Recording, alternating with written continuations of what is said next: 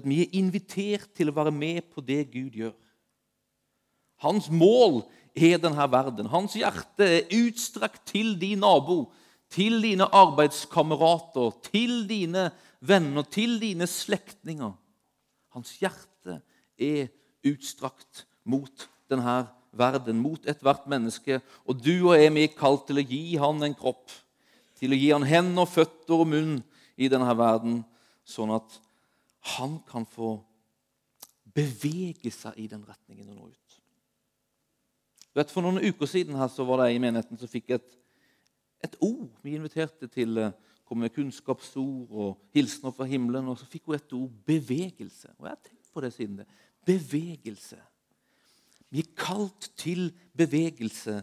Denne bevegelsen ut mot denne verden. Men ofte så tror jeg vi kan oppleve at ting står stille, eller at bevegelsen på en måte har stoppa opp. Og hva er det som hindrer oss? Hva er det som holder oss tilbake. Og jeg tror at det, det er flere ting som, som, gjør det. Men jeg tenker én ting som jeg tror kan hindre og begrense oss, det er vi, vi ser på oss sjøl og sier 'Jeg er ikke en kandidat til det der'. Når Jesus sier 'Den som tror på meg, skal gjøre de gjerningene jeg gjør', ja, større gjerninger, sier Jesus, så tenker vi det der er kanskje noen andre kandidat til, men det er ikke meg. Det der kan ikke jeg. Jeg tror vi har problemer ofte med å se det, tro det. Og jeg tror at det gjelder alle. Det gjelder meg, og jeg tror at det gjelder du, hvis du er helt ærlig. Du vet, Vi behøver å få en, en tro på at vi er kandidater til det her. Vi er kandidater til å være med på det han gjør. Hvorfor kom Jesus til jorda? Han kom for å frelse oss. Det, det har vi på en måte fått et slags grep. Men han kom også for andre grunner. Han kom for å vise oss hvordan Gud er. Det har vi talt om. Men han kom også for å vise oss et eksempel. Han kom for å vise oss et eksempel på det, den slags liv som vi kan leve. Han kom for å vise oss et eksempel på hvordan ditt og mitt liv kan se ut. De gjerningene som Jesus gjorde når han gikk på jorda, de er ikke uten rekkevidde for oss mennesker å gjøre. Tvert imot så sier Jesus det her, at vi som tror på Han, skal gjøre samme gjerninger. Ja, større gjerninger. At vi bekjenner jo Jesus, han er Gud. Jesus, han er Gud. Han er andre personen i guddommen. Han er en del av Bibelens treenige Gud. Men det, det livet han levde mens han gikk her på jorda, de gjerningene han gjorde, de tingene han sa, det gjorde han som menneske. Paulus han sier det her i Filippebrevet 2 at han var i Guds skikkelse og så det ikke som et rov å være Gud lik, men ga avkall på sitt eget.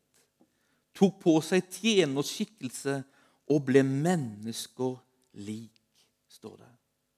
Så når Jesus han, når han var på jorda, kom til jorden, så, så ga han avkall på det å være lik Gud.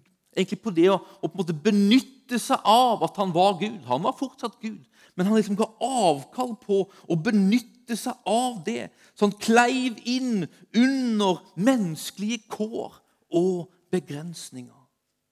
I seg sjøl var han begrensa til å være ett sted av gangen. Han var begrensa til å kjenne på trøtthet og svakhet.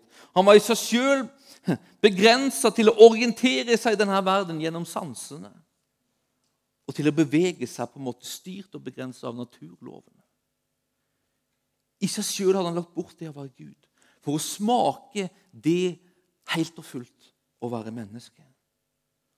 Åssen gjør så Jesus de gjerningene som beskrives i evangeliene, som, som er overnaturlige når han helbreder syke, han befrier de fangne og gjenoppretter de nedbrutte? Jo, han gjør det med hjelp. Han gjør det med hjelp. Han var helt enkelt ikke overlatt til seg sjøl, men Den hellige ånd kom han til hjelp. I ånden så hadde han fellesskap med far. Og ved ånden så var han utrusta med kraft for det liv han var kalt til å leve her på jorda. I Lukas 4 så ser vi det her veldig veldig tydelig. Rett etter han er døpt i Jordan, ånden har kommet ned over han, og det står at han forblir over han. Så står det Fra vers 1 i kapittel 4 så står det at han fylt av ånden vendte tilbake etter å ha blitt døpt. står det. Og drevet av ånden så ble han drevet rundt i ødemarka der djevelen frista han. Og etter fristelsen i ødemarka så står det at i åndens kraft så vendte han tilbake til Galilea. Gang på gang så leser vi om Jesus at han var i bønn, at han var fylt av ånden. Han hadde gjort seg avhengig av si, guddommelig si, hjelp for å leve det livet som han var tiltenkt.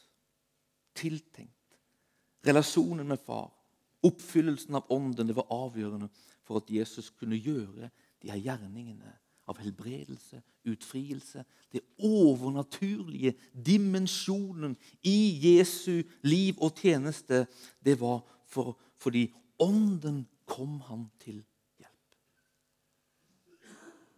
Lukas 4, 18, så beskriver Jesus sjøl ut fra en profeti fra Jesaja sin tjeneste det livet han skal leve, oppdraget han har når han kommer til jorda. Herrens ånd er over meg, står det. For han har salvet meg til å forkynne et godt budskap for fattige. Han har sendt meg for å rope ut at fanger skal få frihet og blinde få syn igjen. For å sette undertrykte fri og rope ut et nådens år fra Herren. Nøkkelen er ånden.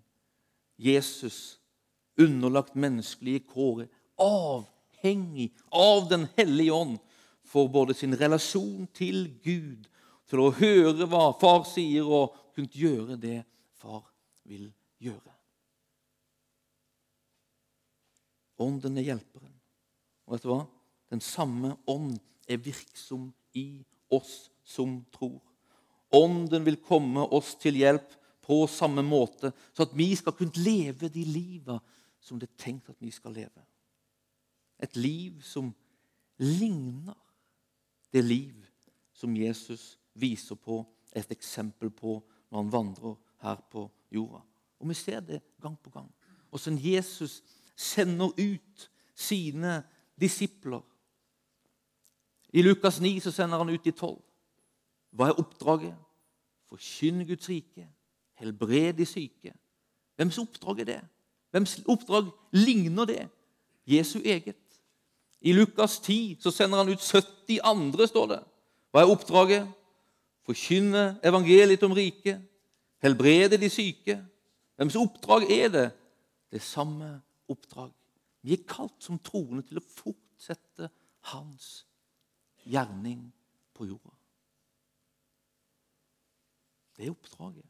Det er kallelsen. Det er det han inviterer oss inn i, ønsker å lede oss inn i, føre oss inn i. Du er kandidat. Du er kandidat. Av og til så, så har vi liksom en del tanker om at det å få være med og bli brukt av Gud, særlig når det gjelder liksom store ting, det er liksom reservert for predikanter, for verdens evangelister. Men det er ikke Bibelens vitnesbyrd, egentlig. altså. Og det er ikke virkeligheten heller, hvis du ser verden over i dag. Hele Bibelen er egentlig full av fortellinger om vanlige mennesker som får være med på det Gud gjør i hverdagslige livssituasjoner. Du vet, I Det nye testamentet så er det med møtekampanjer, vekkelsesmøter, helbredelsesmøter Det er liksom, det er liksom fraværende. Det er liksom ikke riktig der. Det er hverdagsliv, egentlig. Så vi ligger der i bunn og grunn. Og ut fra hverdagsliv så begynner det å vokse opp tjenester. det gjør det. Men når Paulus lever, så, så har ikke han en egen kampanjeorganisator Organisator. Organisator. Altså, som går foran og henger opp affisjer i Efesus og Korint. og Her kommer det big apostle Paulus. Han, de leier ikke stadioner og, og liksom gjør store sånn, arrangementer når Paulus kommer. Det ser ikke heller ut som faktisk Paulus har et fast lovsangsteam som fører folk inn i lovsang og tilbedelse før han liksom entrer plattformen og begynner å forkynne og betjene. Det er heller ikke sånn at det virker som Paulus har en, sånn, en egen strategisk forbeder som han sender i forveien for å be gjennom en by før han kommer. Alt det der er jo bra, altså. Det er ikke det. Det er bra. Men av og til så, så er det sånn at vi gjør ting veldig vanskelig og veldig utilgjengelig for oss. Har vi på en måte ikke de her liksom folka som hjelper oss, har vi ikke de her betingelsene til stede i livet våre, så er det på en måte liksom ikke Da beveger vi oss ikke. Da er vi ikke kandidater. Men Paulus Han vandra rundt ham. Han oppsøkte mennesker der de var. Han levde et bevisst Jesusliv i hverdagen, kan du si. Selv om det her for Paulus innebar at han reiste rundt fra sted til sted, vokste fram en tjeneste. Men der han kom, så søkte han på en måte hverdagslivet, menneskene. Det virker til og med ikke som han forsørga seg ved å forkynne evangeliet. Han sier at han har egentlig rett til det, men han liksom gir avkall på det. Så Paulus han lever et liv der iallfall i store perioder.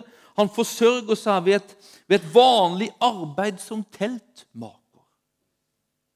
Og i arbeidssituasjonen, i hverdagssituasjonen, er det han formidler evangeliet, bringer Guds godhet til mennesker, helbreder syke, fører mennesker fra en situasjon av fangenskap til en situasjon av frihet. Det står jo til og med om Paulus at man la klær fra Paulus på de syke, og de ble friske. Jeg vet ikke om du har tenkt over det, men det står jo faktisk hva slags klær det var de la på. Det var ikke Paulus findress de la på. Det var ikke bønneklærne til Paulus som på en måte ble ekstra sterke og, smø, og, salva, så at de kunne liksom, kunne liksom formidle kraft. Men det står at det var arbeidsklærne hans. Og svettetørklærne hans. altså. Altså, I hverdagslivet så levde Paulus ut et liv der han lakk kraft fra himmelen. På jobben så bar han med seg noe som kunne forvandle atmosfæren der han var. Som kunne forvandle situasjoner og omstendigheter i møte med mennesker i nød. Vi er ikke alle liksom apostler som Paulus. Vi er ikke et mandat eller, som Paulus, men vi har en kallelse som er lik den Paulus sa at vi skal gjøre hans gjerninger. Gjøre hans gjerninger. På vår unike måte, i vår unike verden. Men du bærer av den ånd som Jesus var avhengig av. Du bærer av den ånd som Paulus var bærer av. Den ånd som han sier var virksom når Gud vekka Kristus opp fra de døde. Den ånd som har potensial i å forvandle død til liv, den er du bærer av. Den er du bærer av. Det var nøkkelen i Paulus liv. Det var ånden. Det var ånden. For det første var det ånden i ham. Tryggheten i relasjonen med Gud. Tryggheten der grunnen ligger, bekreftelsen ligger der ankeret vårt skal være hos Gud. Der startpunktet skal være. Men ånden var jo over Paulus og var virksom gjennom Paulus. Paulus han beskriver ånden som panten, eller som forsmaken på arven, sier han forskuddet eller forsmaken på herligheten. Forskuddet eller forsmaken på Guds rikes realitet og virkelighet. Det er Ånden som bringer det. Du vet, Vi er bærere av en forsmak på evigheten. På en forsmak av Guds fullkomne rike. Der liv er enerådende og der død ikke har en plass. Du og vi er bærere av forsmaken ved at vi er bærere av Ånden. Og det er det vi er kalt til å være, til å være en lekkasje av. Altså. Det er det vi er kalt til å være oppfylt av, bærere av. Så det kan forvandle atmosfæren der du er. Og forvandle og berøre livssituasjoner. Hvorfor? Jo, for det er det Guds rike gjør når det spres. Det er det vi ser skjer rundt Jesus. Det er det vi ser skjer rundt Paulus når de lekker, forkynner, demonstrerer, formidler. Det de er bærere av. Så forvandles atmosfærer og livssituasjoner. Du og vi er kandidater. Kandidater. Åssen lekker vi Gud? Åssen lekker vi Gud? Jeg har jo en, sånn, en mentor fra liksom tidligere Gunnar Berling. Jeg stadig siterer han. Jeg kan ikke noe for det, men jeg gjør det. Han en vis mann. altså. Han lærte oss en ting så her nå. når han lakk Gud. Han ba for mennesker, og han hadde perioder der han ba masse for mennesker at de bare skulle bli, bli fylt av åndens kraft. Så sa han, 'Vil dere vite åssen jeg gjør det?' sa han. Ja, det ville vi. Jeg tror at det skjer. Når jeg legger hånda på, så ser jeg for meg at det skjer. Jeg tror at det skjer. Og så skjer det. Tror egentlig at det er litt sånn enkelt. altså. Tro at du er en kandidat. Tro at du er bærer av noe som kan forvandle omstendigheter og atmosfære. Tro det så lekker det. Åssen lekker det liksom rent praktisk? Jo, det kan lekke en håndspåleggelse. Det kan lekke ved at du bare ber. At du bare sier til Herren 'Nå går jeg inn i rommet'. Forvandle det. Men at du tror det, så er det som et grønt lys til Herren som sier 'Virk, Herre'. Virk, Herre. Virk, Herre. Det er som at vi åpner liksom kanalen.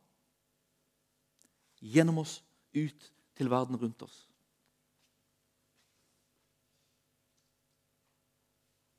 Det er du som tror på og som tilhører Jesus Kristus, du kan gjøre ham kjent. Du kan påvirke atmosfæren der du går. Fordi du er kalt til å være som han i denne verden. Du har ånden boende i deg. Han vil øse denne ånden over deg, la ånden flyte ut fra livet ditt. Dette er på en måte Dette er din kallelse. Dette er det du er kandidat til. Tror du det? Tror du det? Og Det er derfor vi inviterer sånne som Daniel Haddal, Paul Rapley hit. Det er derfor vi inviterer Martin Cave hit. Det er jo for at vi skal få se de i aksjon. Det er for at vi skal få erfare på en måte det Gud gjør gjennom de. Men enda mer så gjør vi det for at vi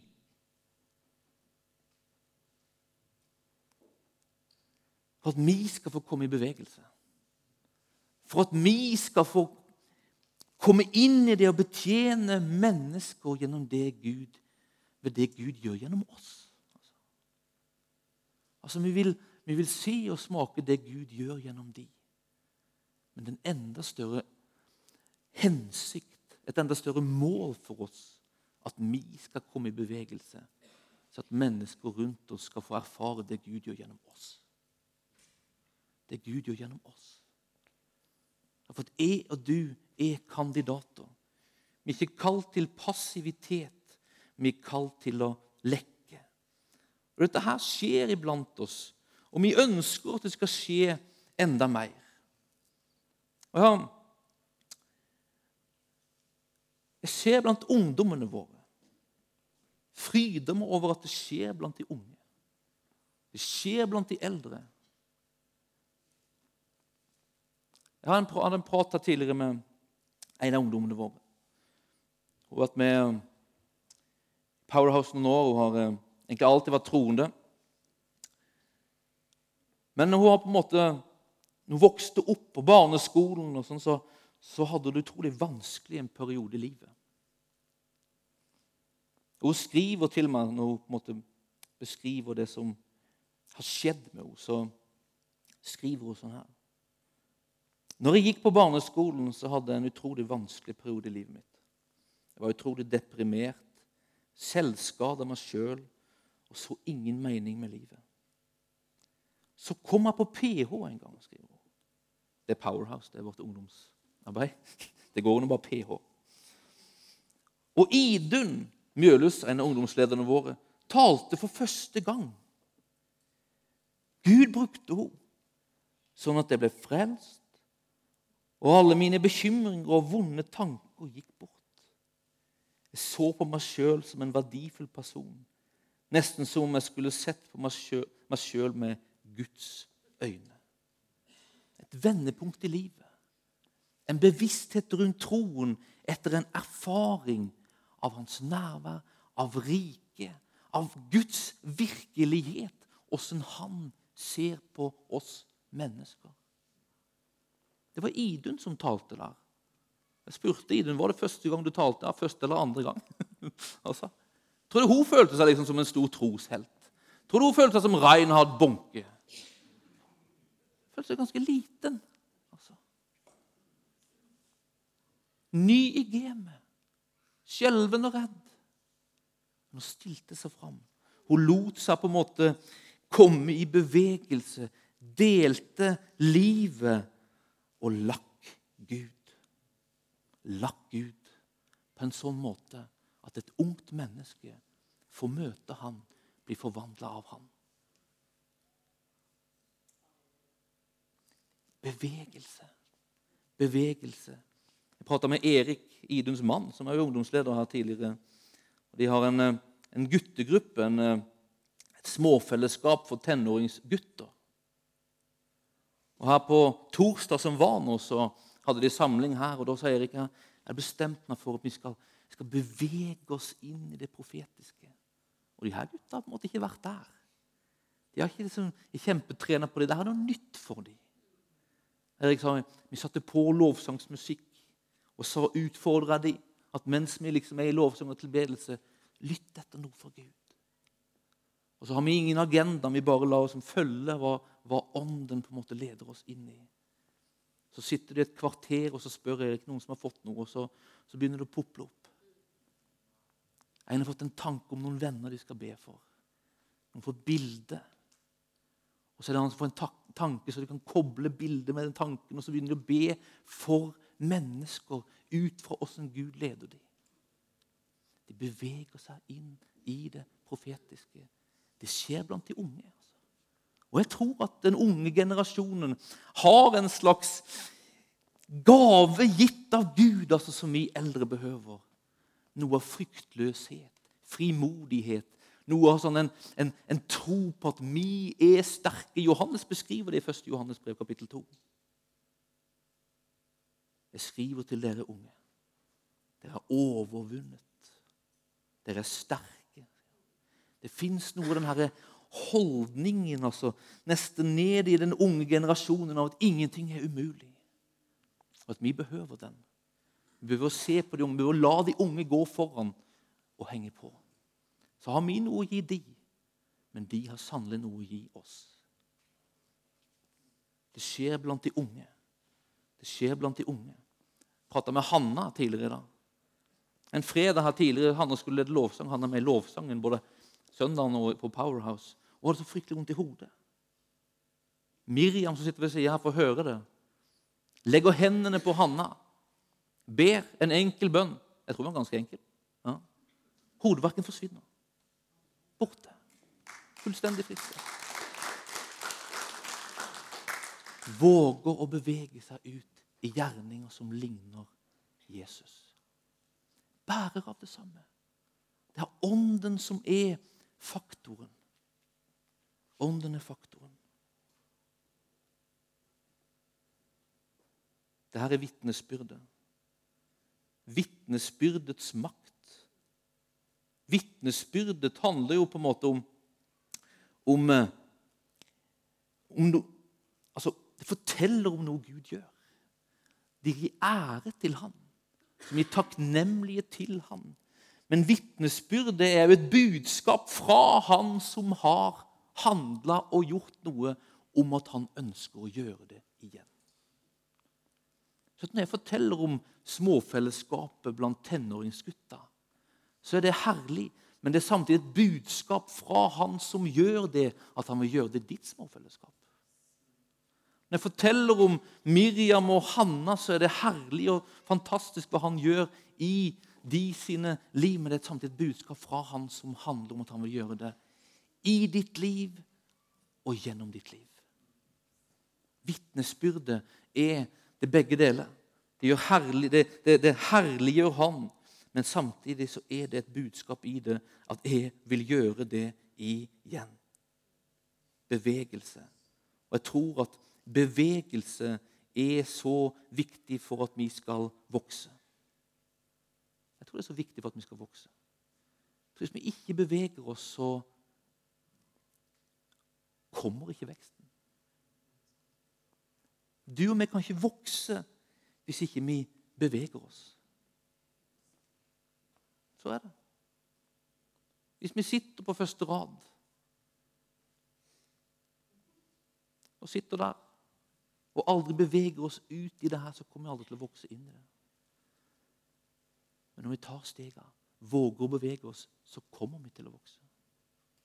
Så får vi gjøre erfaringene, smake på hvordan det er, og så får vi vokse litt etter, litt etter, litt etter, litt etter litt. Og vekst litt etter litt etter litt etter litt. Det er helt ok for Gud. Det er sånn det bruker å gå til.